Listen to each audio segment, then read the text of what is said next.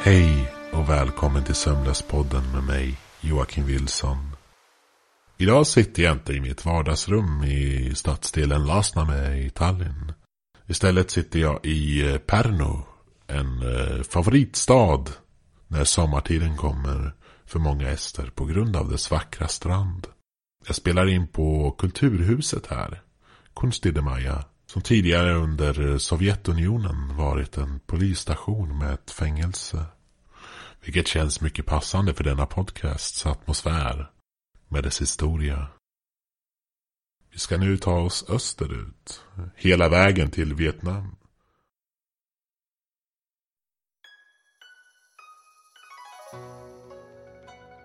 Jag var 11 år gammal och bodde i Vietnam, mitt hemland. Jag gick i femte klass vid den tiden och det var min näst sista dag på den skolan. Grundskolor i Vietnam går från första till femte klass. Skolan var värd för en stor fest vid den eftermiddagen mellan klockan 15 och 21.00 för att i princip önska alla femteklassarna lycka till inför deras flytt till högstadiet. Det var jättekul och jag njöt av varje sekund. Det blev några tårar och jag måste erkänna att det fanns vissa klasskamrater som jag kom att sakna betydligt mer än eh, andra. Det fanns flertalet rykten om att skolan var hemsökt.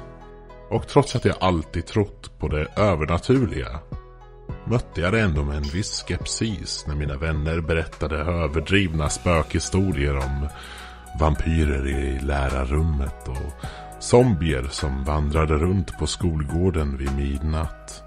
De hade alltid gillat att skoja med mig då jag alltid varit lite naiv och godtrogen. Men jag var verkligen inte beredd på det som skulle hända. Så festen rundades av kring 20.45 och det var riktigt mörkt på skolan. Mitt klassrum var på första våningen och en skarp sväng åt vänster och sedan en kort promenad i korridoren så var man framme vid pojkarnas toalett. Jag minns att jag väntade på att min mamma skulle hämta mig. Jag behövde använda toaletten så jag frågade en lärare om det gick bra och hon sa ja. Hon frågade om jag behövde sällskap på vägen till toaletten. Men jag sa att det gick bra. Jag skulle ju snart börja högstadiet och behövde ingen lärare som följde mig till toaletten. Jag gick i hastig takt mot pojkarnas toalett med ljuset knappt upplyst genom den dunkla korridoren. Och för att vara helt ärlig var jag lite rädd. Hjärtat slog lite snabbare och jag såg mig flera gånger bakom ryggen. Jag öppnade dörren till toaletten och såg en man stå och kissa i pissoaren. Han hade på sig en grå, sliten, långärmad skjorta, svarta byxor som var något säckiga med kolsvart bälte och en grå mössa som var lite för stor för den eh, kala gässan. Han såg ut att vara i 50-årsåldern. Lite blek och mager. Det fanns en logotyp för ett uh, säkerhetsföretag på skjortans högra ärm. Så jag gissade att han var från ett annat företag som besökte, eller att han bytt uniform sen senast. Den normala uniformen var blå med kortärmade skjortor och svarta byxor. Jag ställde mig på andra sidan av pissoaren. Jag vände mig till honom, log vänligt och sa Hej.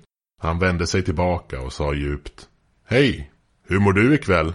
Hans röst var av normal medelålders man med en sydvietnamesisk dialekt. Så det var inget konstigt där egentligen. Jag svarade tillbaka. Jag mår bra. Och du? Jo då, det är bara bra, svarade han tillbaka. Hur som helst. Jag pinkade färdigt och vände mig för att säga ja och gick sedan ut. Jag nådde ingången och hörde ett hårt dunk bakom mig. Jag vände mig om och såg honom ligga med ansiktet mot golvet. Redan från tidig ålder hade det varit viktigt för mig att hjälpa andra. När de verkade vara i trubbel så naturligtvis sprang jag till honom och, och försökte dra upp honom. Men för att vara ärlig var jag en av de eh, klenare pojkarna i klassen. Och osäker på om den allra starkaste killen i klassen, Hao, kunnat burit upp honom helt och hållet. Jag lyckades vända på honom och hans ansikte var riktigt blekt. Som hämtat från en zombiefilm. Jag tog upp min telefon. På den tiden hade jag en eh, flipptelefon med kamera. Och tog ett foto av honom. Jag sprang sedan ut från toaletten och till vakternas rum för att få hjälp. Det fanns tre vakter på tjänst och de blev eh, förvånade över att se ett barn springa in i rummet svettandes. De frågade Vad är det som har hänt? Och jag förklarade situationen för dem och beskrev mannen. Efter min förklaring såg de eh, konfunderade ut och sa till mig vem pratar de egentligen? Vi är de enda tre vakterna som är tillgängliga ikväll.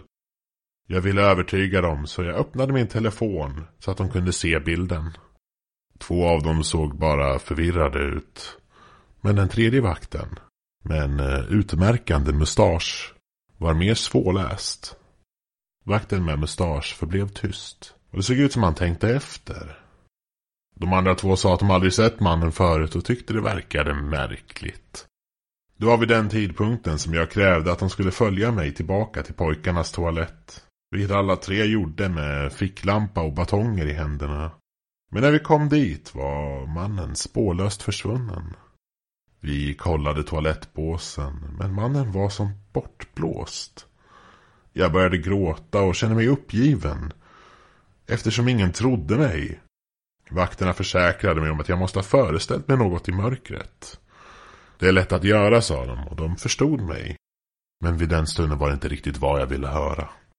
Vid 21-tiden hämtade min mamma mig och jag kunde inte sova under hela natten. Jag försökte förklara för mina föräldrar när jag vaknade. Men de trodde mig naturligtvis inte. Nästa dag gick jag tillbaka till vår eh, examen. Det varade fram till klockan tolv och jag var på väg att gå. När den tysta vakten med mustasch från natten innan frågade om han kunde ha ett ord med mig. Han såg orolig ut på något sätt. Vilket också gjorde mig nervös. Han frågade. Har du med din telefon idag? Jag svarade. Ja. Han bad mig att visa fotot jag tog under gårdagen. Så jag gjorde det. Jag kan bara inte tro det. Det är verkligen han. Utropade vakten. Han vände sig sedan till mig och förklarade. Mannen som du såg igår kväll var min kusin Wu. Han brukade jobba som säkerhetsvakt på den här skolan för runt 20 år sedan. En dag fick vi besked att han hängde sig i vad som på den tiden var förrådet. Ingen vet varför han gjorde det. Rykten började spridas om att hans vålnad fortfarande vandrade runt på skolgården. Jag har trott mig se honom flera gånger under eftermiddagsskiften. Men detta är första gången jag har konkret bevis framför mig att det är sant. Tack så mycket. Jag var mållös och berättade för min mamma vad jag just hade hört. Visst kunde hon ibland vara vidskeplig. Men hon trodde utan tvekan att vakten spelade ett spratt med mig. Jag tappade telefonen på en buss två år efter. Mina föräldrar blev ursinniga på mig och vägrade köpa en ny. Jag fick tjäna ihop till den själv. Vilket bara tog ett år då jag verkligen behövde en ny telefon och var väldigt målmedveten. Men eh, det värsta med den händelsen var dock att fotot gick förlorat. Men det är fortfarande fast etsat i mitt minne. Under de närmaste åtta åren fortsatte jag att berätta den här historien för alla. Mina vänner, resten av min familj och kollegor. Medan några av dem blev eh, fascinerade. Blev jag allt som oftast mött av skepsis och även hånad vid enstaka tillfällen. Så småningom flyttade jag till Sverige. Närmare bestämt Linköping. För att studera. Och jag trodde att allt jag varit med om nu var historia. Bara ett hemskt minne. Men jag hade fel. Jag hade en eh, onlinekurs runt eh, 8.50. Och fick ett meddelande på Messenger från min pappa.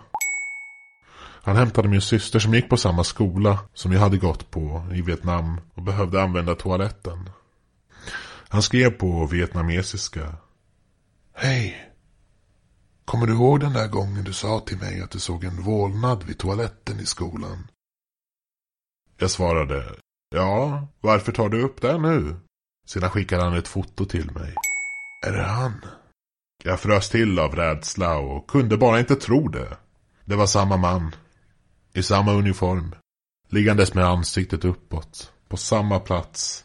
Han hade inte åldrats en dag. När han föll hade min pappa hjälpt honom upp.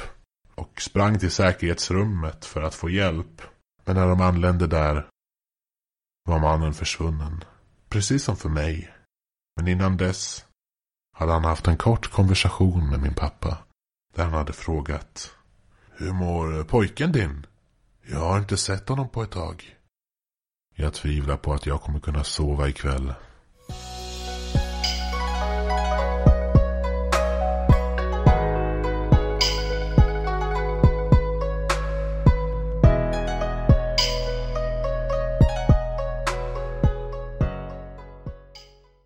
Tack för att du lyssnade på veckans avsnitt. Nästa vecka är vi tillbaka igen som vanligt. Kom jättegärna med rekommendationer. Då det för tillfället är öppet schema om man säger så. Det skulle vara jättekul och betyda mycket för mig om du skickade in en av dina favorit creepypastas. Eller om du skrivit den själv så går det naturligtvis fantastiskt bra där med. Skicka till somlospodden at gmail.com Sömnlöspodden är eh, översatt, inspelad och redigerad av mig, Joakim Wilson. Jag vill också skicka iväg ett stort tack till Perno Konstilmaja för detta avsnitt. Tack för att du lyssnade. Och välkommen åter.